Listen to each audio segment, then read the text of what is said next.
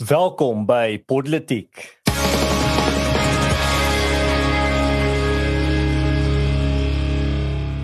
Ja, welkom almal. My naam is uh, Rainer Dievenage. Saam met my in die ateljee is Erns van Sail, Paul Marits en Frederik van Duyk.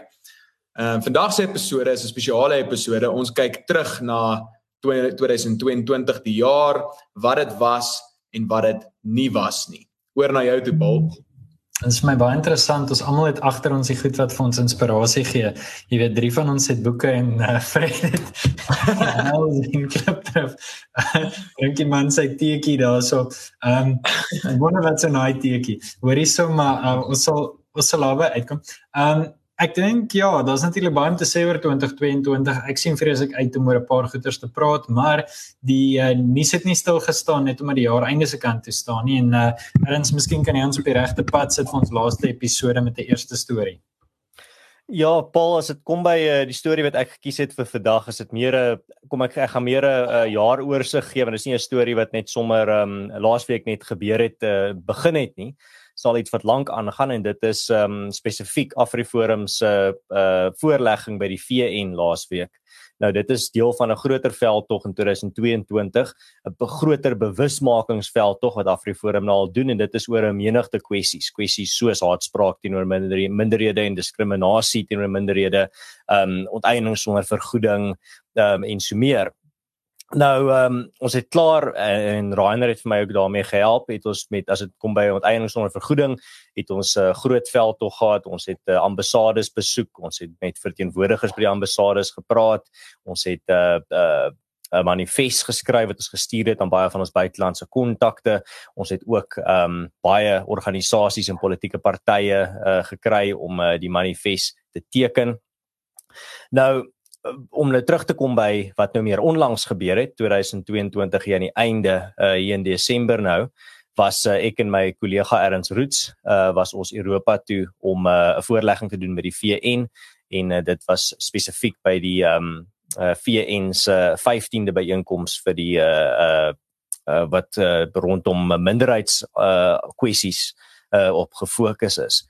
So hierdie sessie van die VN het ons toe 'n uh, geleentheid gekry om 'n voorlegging te doen en daai voorlegging het spesifiek gefokus op die uh rasse diskriminasie en dan haatspraak teenoor uh, minderhede in Suid-Afrika en dit sluit nou in byvoorbeeld goed soos uh Julius Malema se uh, aanhitsing tot geweld en dan ook uh diskriminasie uh teenoor uh uh spesifiek uh wit mense wat daar wil werk of wat klaar daar werk wat nie bevorder gaan word of uh, aangestel gaan word nie. En dan vele meer. Ons het 2 minute gekry, so ons moes uh, nogal slim dink uh, wat gaan ons nou alles inpas hierso. Ehm um, wat moet die wat die belangrikste vir die wêreld om, om van te weet en dit was 'n baie groot sukses dink ek. Daar was uh nogal belangrike en groot ore wat geluister het daarna en ehm um, dit was die die eerste groot sukses. Wat ons ook nog gedoen het is ons het 'n verslag wat ek geskryf het oor rasse diskriminasie en haatspraak teenoor minderhede het ons gaan inhandig by CERD en dit is die komitee te vir die uitwissing van uh, rasse diskriminasie en ons het daar hierdie verslag gaan indien en uh, hulle het vir ons ook bevestig nou dit uh, Suid-Afrika gaan nou volgende jaar moet terugrapporteer aan so die die oor die uh, flank van die VN om vir hulle te rapporteer wat raak gedoen aan diskriminasie in hulle land. En die feit dat ons hierdie verslag ingedien het uh, het hulle gesê beteken dit gaan nou deel van die proses wees. En daar's ook geleentheid vir ons om dalk 'n uh, groter rol te speel in hierdie proses. En dis nou 2023 ons sal sien. Um, niks is nog bevestig nie maar uh, daar's klaar se klare voet in die deur daarso Laastens het ons gaan skakel met ons vriende in Suid-Tirol wat 'n semi uh uh autonome provinsie van Italië is wat 'n meerderheid Duitsers in het.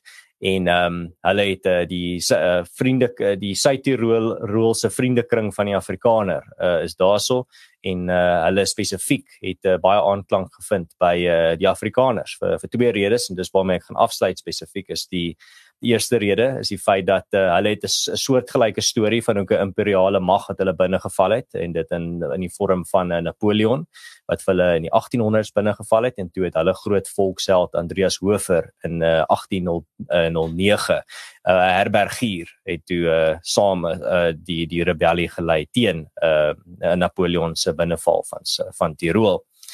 Uh tweedens die ander rede hoekom hulle soveel aanklank vind by die Afrikaners en hoekom hulle sulke goeie vriende van ons geraak het, is die feit dat uh, in die 1900s uh, toe die uh, fasistiese regime van Mussolini in mag in uh, mag gekom het, het hulle uh, het die Italiaanse regering 'n proses van Italianisasie op hulle probeer afdwing waar uh mense in in in Suid-Tirol, Duitsers, hulle name moes verander byvoorbeeld van 'n Duitse naam en van 'n Italiaanse naam en van straat en dorpname is se name is verander van Duits na Italiaans. Daar was 'n uh, werkreservering vir spesifiek Italianers. Uh Italiaanse immigrante was aangemoedig deur die regering om uh, na die na die Suid-Tirol te, te, te immigreer uh, spesifiek om die demografie van die provinsie te verander en die die groot Duitse meerderheid daarso te, te af te water en dan ook uh, beleide soos die um, uh, die sluiting en toe uh, op die ou end uh, onwettigmaking van uh, Duitse skole uh, en dan ook die die afdanking van Duitse onderwysers en uh, die diegene in die staatsdiens en uh, vele meer. En uh, ek bedoel hier's baie van hierdie beleide wat uh, daar's elemente van dit wat ons vandag in Suid-Afrika sien waar uh, en uh, daar's baie van dit wat uh, Afrikaners ook uh, uh, uh, affekteer uh, en dit is wat die Suid-Tirolers ook baie aanklank vind by by ons stryd maar ook in die groter prentjie. So dit was ook baie vrugtevol, baie vrugte gewerp daai besoek en uh, ek self het nou 'n bietjie meer geleer oor 'n uh, ander volk daar buite wat ons baie soortgelyke omstandighede as ons uh, in baie opsigte uh, al geleef het vir baie vir baie lank en um, ek dink is waardevol om hierdie soort vriendskappe te koester en te kweek en um, om hulle te vermeerder. Ja, dankie Erns. Ek ek was ook bevoorreg genoeg om hierdie jaar twee keer in Suid-Tirol 'n draai te maak. Is baie interessant en dink soos jy sê, daai temas wat aanklank vind van broederskap en gemeenskap en saamwerk en en ehm um, jy weet opstaan vir minderheidsregte. Ek dink in terme van die Verenigde Nasies, dis belangrik om te onthou as jy 'n luisteraar is, ons praat baie oor hierdie goeters en ons het oor die afgelope jare en ons gaan aanhou om daaroor te praat. Maar die punt is jy kan eers Verenigde Nasies toe gaan as jy al jou plaaslike kanale uitgeput het. Ehm um, so dit moet ietsie sê dat jou regering jou tot so mate ignoreer uh dat dat jy eintlik gedwing is om hierdie tipe stap te neem. So ek meen mense is dankbaar vir Afriforum met so iets doen, maar aan die ander kant ook hartseer dat dit in eerste plek nodig was. Ek wil um ek wil 'n paar interessante goed net daaroor sê op op die tema van soort van um internasionaliteit. Ek het uh ek ek meen ek is nou so 11 maande in Europa en ek het ontsettend interessante goed raak gesien al. As jy as ek byvoorbeeld vir mense sê ek's Afrikaner, dan hulle nie regtig 'n idee wat ek sê nie, maar die oomblik wat jy sê, jy weet, die boere wat hulle daaroor dan in Duitsland mense weet wie dit is en hulle verstaan. Hierdie is die enigste mense wat in die 19de eeu 'n oop oorlog teen die Britse ryk gewen het. En hulle verstaan, hierdie is mense wat tot die bitter einde beklei het en daar's al ken hulle nie die hele geskiedenis nie, al verstaan hulle nie die hele agtergrond wat daar's da 'n klein bietjie iets van jy weet mens mens verstaan daar daar's 'n diep agtergrond en ehm um, ek dink in in daai opsig kan 'n mens in Europa nogals baie simpatie kry. Maar ek dink aan die ander kant moet mense ook nigter daaroor wees. Hulle gaan ons help, maar jy kan nie jy, jy kan nie jouself so afhanklik maak van enige buitelandse vennoot uh dat jy eintlik nie meer op jou eie voete staan nie.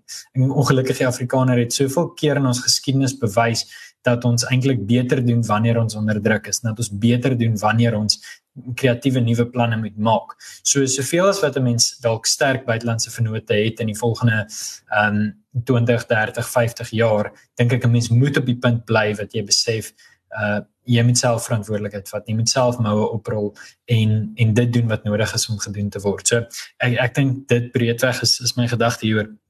Miskien net om om um, om saam te vat wat mens in Tirol ook kan leer wat vir my baie interessant was, is hoe mens maak wanneer jy 'n minderheid gemaak word.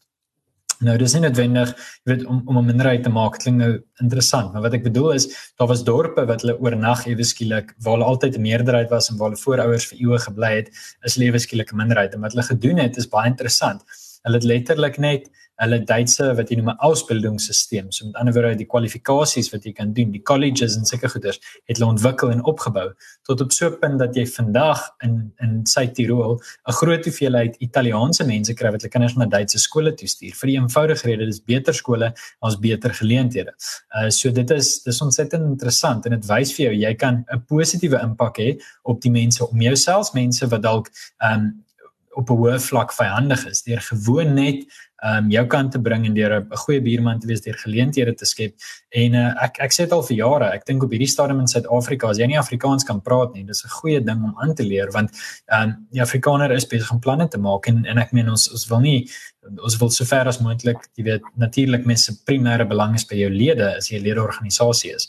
Maar uiteindelik is stygende gety lig al die bote. So, ehm um, miskien 'n filosofiese gedagte daar, maar ek hoor graag wat die ander manne daaroor sê. Ja, Paul, nee, interessante punte. Uh stem met baie saam wat jy gesê het. Ek dink net vinnig, ek dink daar's veel wat nog gesê kan word nie. Ek dink maar net dit is goed dat ons nou internasionaal al hoe meer dink ek ehm um, maar daar al meer be, bewusmaking is rondom Suid-Afrika en Suid-Afrika se probleme. En wat ook vir my interessant is is die voorbeelde wat mense daar kan leer en wat en die voorbeelde wat ons kan bied vir die buiteland. So byvoorbeeld Suid-Tirol, hulle hulle is nou nie onafhanklik nie. Hulle is hulle het sekere forme van onafhanklikheid, maar hulle bestuur 90% van hulle belastinggeld. En daardie klein volkie is per capita een van die rykste volke in die wêreld. So dit wys jou dat dat onafhanklikheid in 'n politieke sin nie noodwendig so bepalend is vir welvaart en vir ehm um, vir goeie instellings in 'n gemeenskap ensovoorts ensovoorts. So ek dink dis nogal iets wat ons ook kan leer alhoewel die omstandighede heeltemal verskillend is, dit weet ons almal. Maar uh, dan ook wat ons dan kan bring as Afrikaners is ook uniek. So ek dink dit daai daai wisselwerking en ek dink mense moet daai dieper insig hê om te weet hoe belangrik hierdie internasionale skakeling moet wees vir die Afrikaners uh, in die toekoms.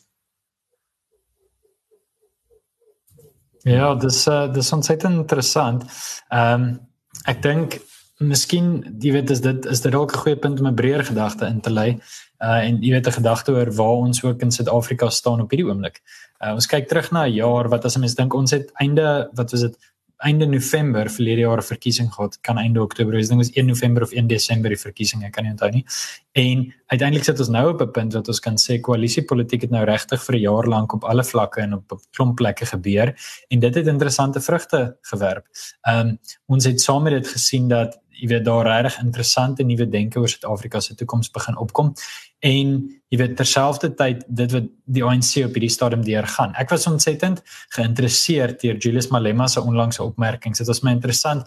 Uh Malema het gesê mense wat aanhou om vir die ANC te stem is uh jy weet soos mense wat verslaaf is aan dwelms en ek dink in 'n sekere sin hy het iets met daai metafoor want jou aan om te stem vir of jy aan aan om iets te kies wat eintlik inherënt nadelig is vir jou. So ehm um, ek dink dis miskien iets wat mense regtig in die toekoms ehm um, jy weet na kan kyk. Wat my betref dink ek dit kan wees dat ons demokrasie besig is om 'n bietjie volwasse te word. En wat ek bedoel met 'n volwasse demokrasie is ten eerste dat ons wegbeweeg van die eenpartytjie demokrasie af.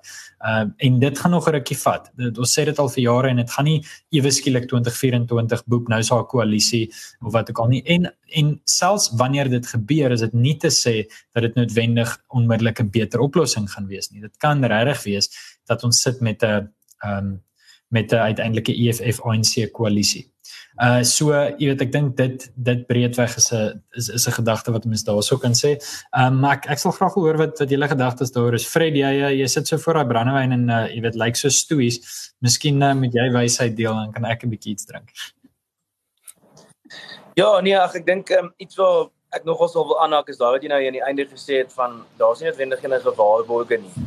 Ehm um, dit kan dit kan slegter uitdraai en ek dink ons is geneig om soort van hierdie romantiese narratief te internaliseer dat dinge in Suid-Afrika gaan nooit te sleg nie. Ons op op, op, een, op een of ander manier kry ons nooit reg om om soort van terug te draai. En ja, ons moet dit erken, ons het goeie meganismes om regtig onbillikheid ehm um, en onregverdigheid en 'n en 'n 'n volslaaf val uh so ver te kon te kon vermy en soort van uh terug te keer van die afgrond af. En dit kan mens toeskryf waarskynlik aan 'n klomp faktore onder andere sterk instellings en uh weet uh, miskien 'n kritiese balans vir mense wat regtig te veel het om te verloor. Ehm um, maar dit sal 'n groot fout wees om soort van die naturalistiese denkfout te begaan dat dinge nooit anders kan uitdraai nie. Ehm um, net oor die verlede, jy weet, dis ook maar hulle noem dit mos ook die die die die die, die dobbelaar se denkfout ehm um, dat uh, as jy as, as jy bloot gaan op die feit dat dinge in die verlede uitgewerk het, daarom sal dit noodwendig in die toekoms reg uitwerk, dan maak jy eintlik 'n groot uh denkfout en dit is van geen dit dit dit het geen waarde as 'n argument regtig nie. Daar's te veel ander goed wat kan inspel. So mens moet bereid wees om in te sien dat daar dat die slegte ouens kan wen.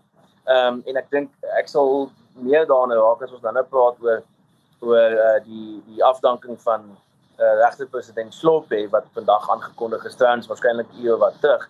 Uh en ook aan die ander kant van die munt uh hoewel baie mense daaroor kan verskil die die bedanking van ander die ryte wat ons ook nog kan bespreek later. Uh en jy weet die een oomblik sien jy Slope is afgedank, die volgende oomblik bedank die ryte. So jy weet dit, dit dis dis ook iets wat ek ewe wat terug in die bank gesit en beleef het al twee daai gebeurtenisse en dit dog ek maar just like jy weet dinge kan ook net so verander. So mense moenie in die denkfout verval en die gemak verval van dinge het nog altyd vir ons uitgewerk, so dis sal dit altyd vir ons uitwerk. Hmm. Ja, wel, daar's ons daai ehm um, daai aanhaling van Jan Smits wat gesê het dat uh, in Suid-Afrika is 'n plek, uh, Suid-Afrika is 'n plek waar die slegste nooit gebeur nie, maar ook die beste ook nooit nie. Ehm um, so ek dink wat ons uh, wat ons hier te staande kom ek mee is ehm um, dalk een van daai ehm um, kantoppunte weer dat ons ehm um, na een of ander kant toe gaan val maar uh, nie die die slegste of die beste uitkoms gaan hê nie.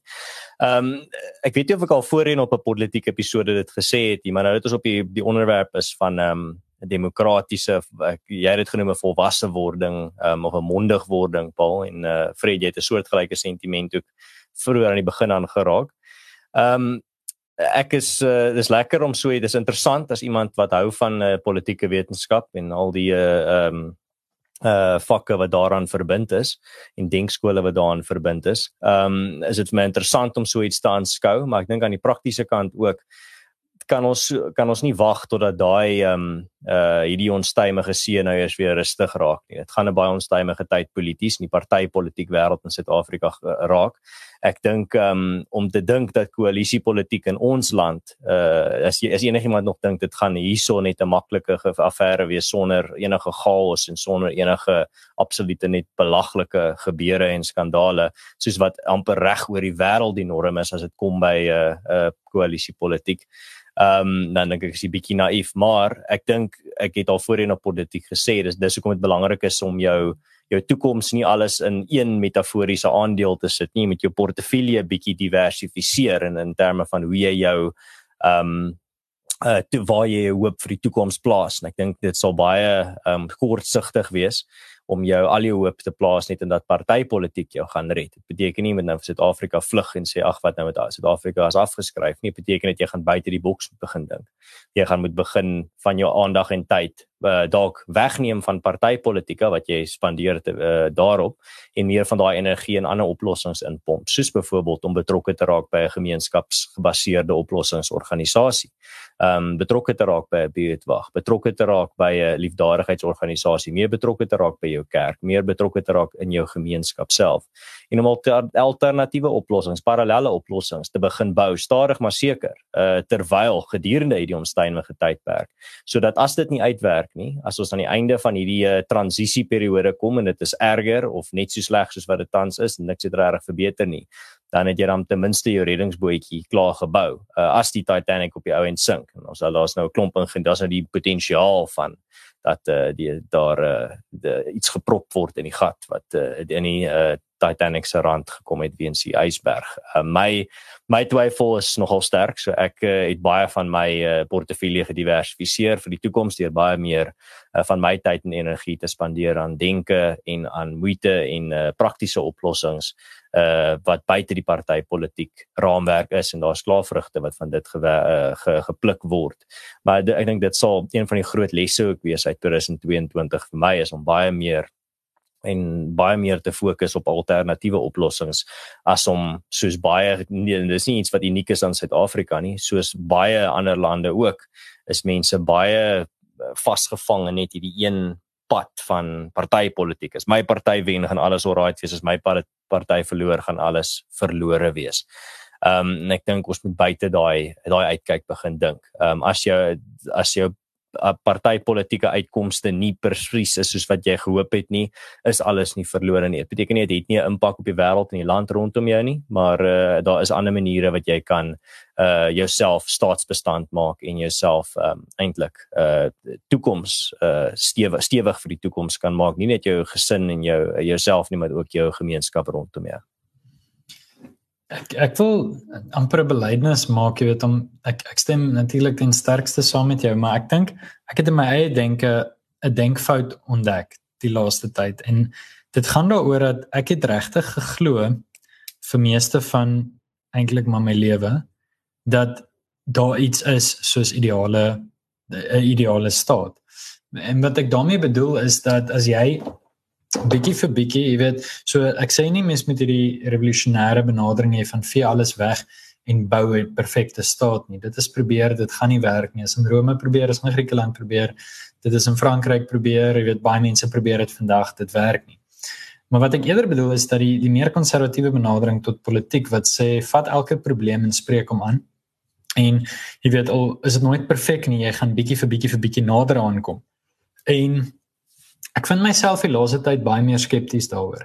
Wat ek daarmee bedoel is ek dink selfs in die lande waar demokrasie op sy heel beste funksioneer, is daar maar gedurig probleme wat opduik. Daar is nooit ietsie soos 'n staat wat regtig ideaal funksioneer nie. En dit lei my tot 'n volgende vraag en en en gevolgtrekking en dit is soek 'n mens dit regtig? wil jy regtig dit klink nou vreemd want natuurlik mense wil in 'n in 'n goed geregeerde plek leef en bly en so dit verstaan ek maar die vraag is is dit regtig wat ons soek en jy weet dan kan 'n mens vra maar is dit regtig enigstens moontlik laat ek laat ek bietjie verduidelik wat ek bedoel. Ehm um, Duitsland het effektief 'n baie goeie demokrasie. Amerika het ook 'n goeie demokrasie. Okay, daar's net twee partye, dit het sy probleme. Holland kies jou voorbeeld.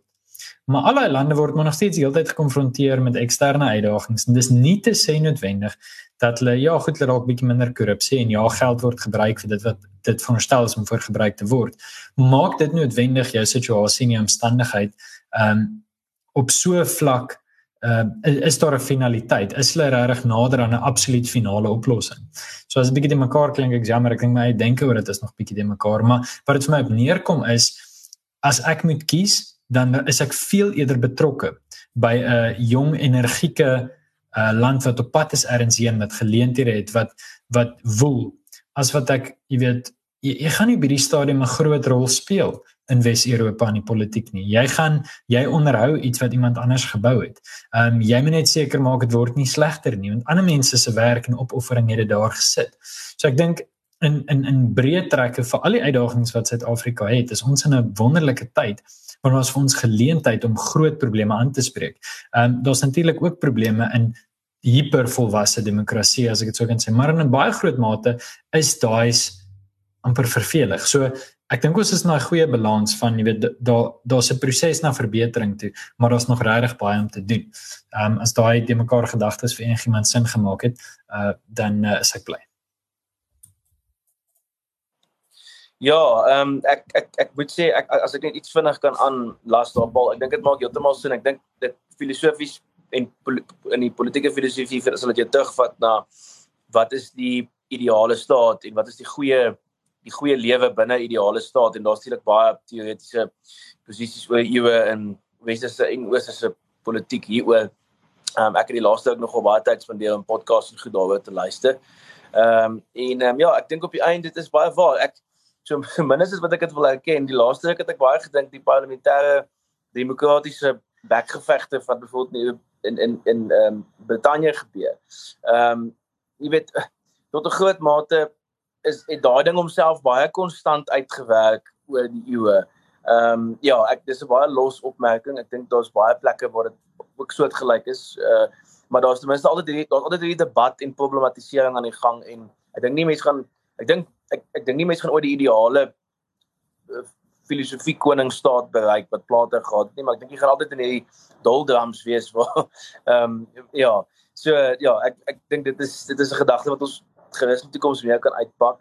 Ehm um, maar ja, ek ek wil spesifiek met met 'n jaar in oorsig wil ek kyk na wat was die tipiese tendense ehm uh, wat 'n ou gesien het in die Suid-Afrikaanse politiek die jare en uh vandag is eintlik perfek omdat daar nou 'n tipiese voorbeeld van wat ek dink die hele jaar lank gebeur het uh uh plaasgevind het. En dit is dat jy jy aan die een kant ek het nou nou genoem uh word Sloppe uiteindelik dis nou die regte president Sloppe van die Wes-Kaap wat nou al eintlik 20 jaar gelede uh weet op sy pos opgehef moes gewees het deur die president in terme van die grondwetlike artikels wat dit beheer en hy het dit reg gekry om deur die Zuma era dit regtig uitgestel te kry met regsprosesse. Uiteindelik het Ramaphosa besluit om hom nou op te hef of sy diens op te hef.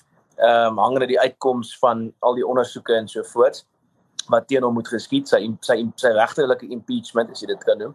Maar ag dis nie eers twee later nie en hier hier bedank aan die ryter wat ehm um, jy weet die ou het hy, hy het waarskynlik as as koöperatiewe hoof geweldige potensiaal gehad, maar hy sit met 'n minister wat hom beheer en en sê hy wil die staat omvergooi en sulke tipe opmerkings maak. Ehm um, en hy sit met 'n vrot steenkool syndikaat uh ondermynde uh as jy net die woordspeling kan verskoon uh uh, uh, uh verskaffingsketting uh wat steenkool betref. So jy weet ek dink jy kan vir die ryter uithaal, jy kan hom insit, jy, hy kan bedank of nie. Die punt is so, so ou sal nie sy werk dan doen as daar nie seker diepgaande ehm um, misdaadvoorkoming en en en en diepgaande uh uh aanvat van hierdie van hierdie steenkool syndikaate is. So maar die die die groter punt is daar is altyd hierdie trade-offs, so die die kant toe daai kant toe wat die hele jaar lank gebeur. Dit is vir my amper die hele tema die jaar gewees. Dis die interne ANC faksies en dan wen die een en dan wen die ander een iets. Ehm um, jy weet dan is daar 'n hofsaak, dan skielik word die verloor die openbare beskermer en dan kort daarna dan dan weer dan dan wen sy weer 'n saak en dan word dit weer geappeleer en so gaan dit aan. Dis die die die kant toe daai kant toe dis hierdie uitbloei stryd, hierdie war of attrition wat die hele jaar plaasgevind het. En, en nie net met hulle nie, ek dink dit het in baie ander politieke sfere ook gebeur. Vat byvoorbeeld die Bela wetgewing. Daar was skielik hierdie Bela wetgewing wat geval het en al die uitsprake teen Afrikaanse onderrig en en hoërskole en so voorts en die pogings om jy weet skole te kaap deur politieke inmenging en so voort. En dan skielik is daar hierdie hengse terugdruk tot die punt wat die wat die parlementêre woordvoerder vir die ANC ook moet erken, maar ja, hierdie ding het verskriklik baie teenkanting gekry en weer eens is dit daai balance of forces, uh daai balans van magte uh wat ons nou so baie gesien het. So vir my is dit 'n groot element van die jaar. Jy weet, wie's nou die eerste dit dit dalk soos amper soos wêreldoorlog 1 bewys van spreek. Dis hierdie loopgraaf oorlogvoering en dan is die kant daar en dan is dan is daai kant in die in die ander ou se loopgraaf en so gaan dit heen en weer. So dit sou interessant wees om te sien gaan hoe lank wie gaan eers die bes gee? Hoe lank gaan hierdie sogenaamde war of attrition hierdie uitbloei stryd nou nog aanhou? Uh maar ja, ek weet wat julle daarvan sê en dan uh, moet ek ook binnekort ook dan seker afsluit. Reg, so ek dink ehm um, wat ons mee kan afsluit uh wat 'n goeie idee sal wees omdat hierdie 'n oorsig episode is. Ons het al vorige jare dit gedoen is dat ons net 'n paar persoonlike lesse of insigte deel wat ons hoe nederig dit mag wees wat ons vandag gekry het. Ag uh, oor die uh, oor die jaar gekry het in 2022. Dit kan selfs die kleinste insigte wees wat net na jou toe gekom het. Ehm um, en ek sal begin ehm um, vir my die die hoofinsig wat weer eens net by my herbevestig en versterk is hierdie jaar in 2022 is dat 'n georganiseerde minderheid 'n impak het op die wêreld rondom hom en 'n baie goeie kans het om te oorleef terwyl 'n stille apatiese meerderheid uh, dieselfde impak as 'n mikrominderheid het. Um en net sowel die die wit vlag maar kan hys oor enige sake wat hulle oor sterk voel in die wêreld. Um of enige sake wat hulle raak. En dit is die groot ding wat ek agtergekom het is as as jy 'n goed georganiseerde en 'n uh, energieke minderheid is, dan kan jy dan uh weet jy die impak van 'n meerderheid op die wêreld. En as jy 'n uh, apatiese ehm um, uh onorganiseerde meerderheid is dan het jy net kan jy net sowel 'n mikrominderheid wees. Dit was die die hoofinsig vir my in 2022 Ja, er is vir my is daar 'n paar dinge. Ek moet wel sê en ek wil nou nie die ewige pessimis wees nie, maar die mense wat my ken, weet maar ek het 'n bietjie partykeer daai uh, karakterfout. maar nee, ek wat ek wil sê is dit was vir my 'n baie was 'n jaar van ontnigtering. Ek het 'n paar swart pille weer gedrink in in terme van die wêreldpolitiek, in terme van wat in Suid-Afrika gebeur En wat gebeur het sedert 2019? So eintlik sedert die COVID-19 pandemie is dit vir my asof dit amper 'n domino effek is. Elke jaar is daar iets wat weer verkeerd gaan in Suid-Afrika en in die wêreld. Nou natuurlik Suid-Afrika is miskien op 'n meer gevorderde stadium. Ons het hierdie dinge al bespreek. Maar wat ek hier uit leer en ek dink dit is wat mense regtig moet besef is dat ons moet organiseer. Ons erns het dit ook gesê en ons moet regtig gemeenskap nastreef maar die waar in die ware sin van die woord. So dit beteken nie net dat ons die woord rondslinger nie. Ons moet regtig saamkom, ons moet organiseer, ons moet mekaar help, ons moet intellektuele groepe vorm en ons moet uh, dit nie afskeep nie want uh, jy gaan nie alleen deur hierdie moeilike wêreld kom nie. In die verlede het mense saam in gemeenskappe saamgekom om probleme op te los en ek ek dink regtig ons moet daai woord en daai konsep baie baie eintlik volg en nie net rondslinger as jy weet as wat 'n semantiese speletjie is. So ja, uh, dit is wat ek maar geleer het. Ek hoor graag van julle. Ja, ek dink julle het baie wysheid. Ehm um, ek het ek ek dink dit is altyd sekere klomp goed wat 'n mens leer. Die belangrikste ding dink ek is um, om om leerbaar te wees. Ehm uh, en en iets wat ek ontsettend in 'n sekere sin spyt oor is is ek dink van kleins af het het ek myself daarop getrotseer dat ek iets vinnig kan verstaan en die gevolg is dit lyk asof jy iets verstaan as jy kry nie daai terugvoer nie. Ek kon nooit verstaan op universiteit hoe ek ek het ek gaan wil 'n voorbeeld gee op my gang in die koshuis. Was daar twee ouens. Die een het net net gekwalifiseer vir ingenieurswese en hy het in 4 jaar klaar gemaak. Die ander een was nommer 1 in sy provinsie en hy het 6 jaar gevat om sy ingenieurswese klaar te maak. Hoe maak dit sin? Die een is geniaal en en die antwoord was eenvoudig. As jy nog altyd gesukkel het. Skus? Nee, ek ek ek wil net sê dat dog is brandewyn is die antwoord, maar dit is seker deel daarvan. Ehm um, maar die die ding is as jy van kleins af leer ek het hulp nodig en jy leer vra vir 'n juffrou juffrou ek verstaan nie. Ehm um, waar ek dink as jy jy weet van kleins af goed verstaan of mense neem aan o nee jy verstaan dan kry jy nie daai terugvoer nie. En die gevolg is jy word ouer en jy dink sjoe maar hierdie persoon wat nou vir my artikel 'n klomp rooi letters ingesit het en vir my al hierdie Microsoft jy weet track changes ingegee het hierdie persoon hou nie van my nie waar ek dink ouer jy word meer besef jy ek is so dankbaar vir hierdie terugvoer. Ek is so dankbaar dat iemand bereid is om tyd te vat om vir my te sê jy kan verbeter as jy na hierdie goed so kyk. En um 'n voorbeeld vir my was ek het 'n akademiese artikel geskryf onlangs wat so uitmekaar uitgetrek is in soos Maart hierdie jaar en ek moes letterlik gaan sit en die ding basies oorskryf. En as dit nie gebeur het nie sou ek 'n substandaard produk gepubliseer het. Maar die feit dat ek besef het ag maar ek weet nie eintlik veel van hierdie goed nie en hier het hierdie persoon my nou na wonderlike bronne verwys ek kan dit doen. So ek dink leerbaarheid is 'n ontsettende belangrike ding in 'n persoonlike uitdanigheid en dit tel natuurlik vir volke en groepe ook. Ons moet aanhou leer. Ehm um, en die tweede wat daarbey insluit vir my wat ek hierdie jaar geleer het en wat ek regtig die res van my lewe mee sal saamvat is om meer te lees Ehm um, ons het groot geword in 'n tyd wat tegnologie ontsettend verbeter het. Melodie het gee kleurfoon het uitgekom toe ek 13 jaar oud was. En van daardie af was het al die magte in die wêreld ingewerk teen die idee van lees. En ek dink hoe ouer ek word, meer besef ek sit daai goed weg. Lees. Lees 'n hele boek. Dit gaan lank vat. Neem ordentlike notas. Dit gaan nie vinnig wees nie maar jy gaan iets na die tyd met jou kan saamvat wat niemand van jou kan wegvat nie. So ek dink dit was my belangrik en ek dink die laaste ding wat ek net mee wil afsluit en wat vir my ook 'n groot ding is in die in die toekoms is mens moet eers begin. Al hierdie instellings waarvoor ons werk, het sy dit firmas is, jy weet, ehm um, mense kan praat oor studenteplein, solidariteit, Afriforum, wat ook al akademia noem dit. Iemand moes begin het. Iemand moes gegaan het en gesê het, "Oké, okay, wel, jy weet, ons gaan nou in een kamertjie sit en ons gaan 'n bladsy vat en 'n lysie maak van goed en ons gaan dit begin doen." En om net te begin dink ek sit jou 90% sit jou voor 90% van mense daar buite. So ek dink dis die goed wat ek hierdie jaar op harde manier geleer het en ehm um, mag volgende jaar nog 'n jaar van groei wees. So ek sal baie sentimentele noot afsluit Fred dan kan jy ehm uh, iets jy kan kan jy die die toon lig. Ja, goed, net soos die brandewyn bottels hier teen my agter agterkant is ons episode dan nou ook seker op sy einde. En ehm um, ek dink eh uh, van ons almal se kant af eh uh, julle ouens sal dalk met my saamstem. Dit was 'n wonderlike jaar. Dit is altyd lekker om die terugvoer te sien en die ook die gereelde eh uh, eh uh, uh, saampraters te sien in die kommentaar afdeling.